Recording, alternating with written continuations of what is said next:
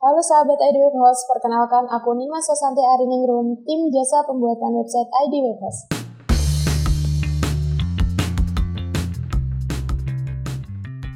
Oke, langsung aku jelasin aja ya role di program fakta atau hoax ini. Gampang banget kok, jadi nanti aku bakal bacain fakta ataupun hoax, terus Mbak Nimas tinggal pilih aja dan kasih penjelasan singkatnya menurut versi dari Mbak Nimas sendiri. Oke, langsung kita mulai aja ya. Oke, Yang pertama, fakta atau hoax, suatu website lebih menarik perhatian dengan visual atau gambar ketimbang teks. fakta. Jadi, manusia sebagai makhluk visual itu akan lebih cenderung tertarik dengan gambar dibandingkan dengan tulisan saja. Hal ini juga berlaku di blog atau website. Eh, jadi, buat website kalian semenarik mungkin dengan gambar atau visual agar pengunjung website kalian juga lebih lama mengunjungi website kalian. Yang kedua, fakta atau hoax, jenis font keren sering diabaikan pengunjung. Fakta, jadi para pembaca tidak suka dengan jenis font-font yang keren, apalagi sampai eh, menyulitkan para pembaca mendapatkan informasi dari artikel tersebut.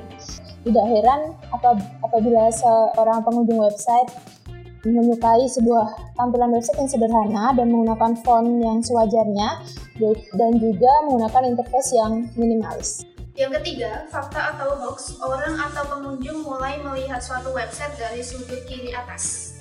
Fakta, dari penelitian eye tracking, mereka mendapatkan fakta baru bahwasanya pengunjung website banyak melihat uh, website itu dari kiri atas.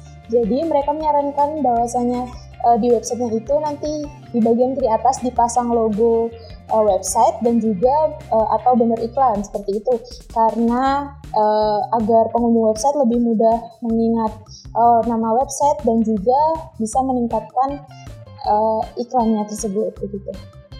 Fakta atau hoax, pemilik website yang tidak update berkala akan ditinggalkan pengunjung. Fakta, jadi orang-orang akan meninggalkan sebuah website jika mengetahui website tersebut tidak diupdate selama bertahun-tahun uh, dan juga mereka akan segera pergi mencari informasi lain. Hal ini terjadi karena website tidak di-maintenance dan tidak di-update, maka um, website tersebut tidak bisa memberikan user experience uh, yang ideal kepada pengunjung websitenya.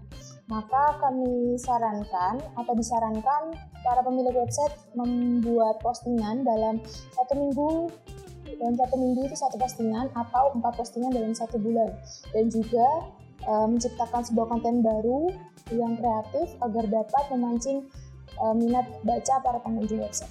Yang kelima, fakta atau hoax, headline atau judul sering menjadi perhatian. Fakta. Jadi sebelum orang membaca sebuah artikel atau informasi, itu biasanya mereka akan memperhatikan headline atau judul uh, dari informasi tersebut. Kemudian juga uh, hampir dari seluruh pengunjung website atau pembaca sebuah informasi itu mereka terpikat karena uh, judul yang menarik. Maka disarankan uh, kalian atau kita membuat artikel atau informasi di sebuah website itu menggunakan judul semenarik mungkin. Kunjungi sekarang www.idwebhost.com, jasa web hosting terbaik nomor satu di Indonesia.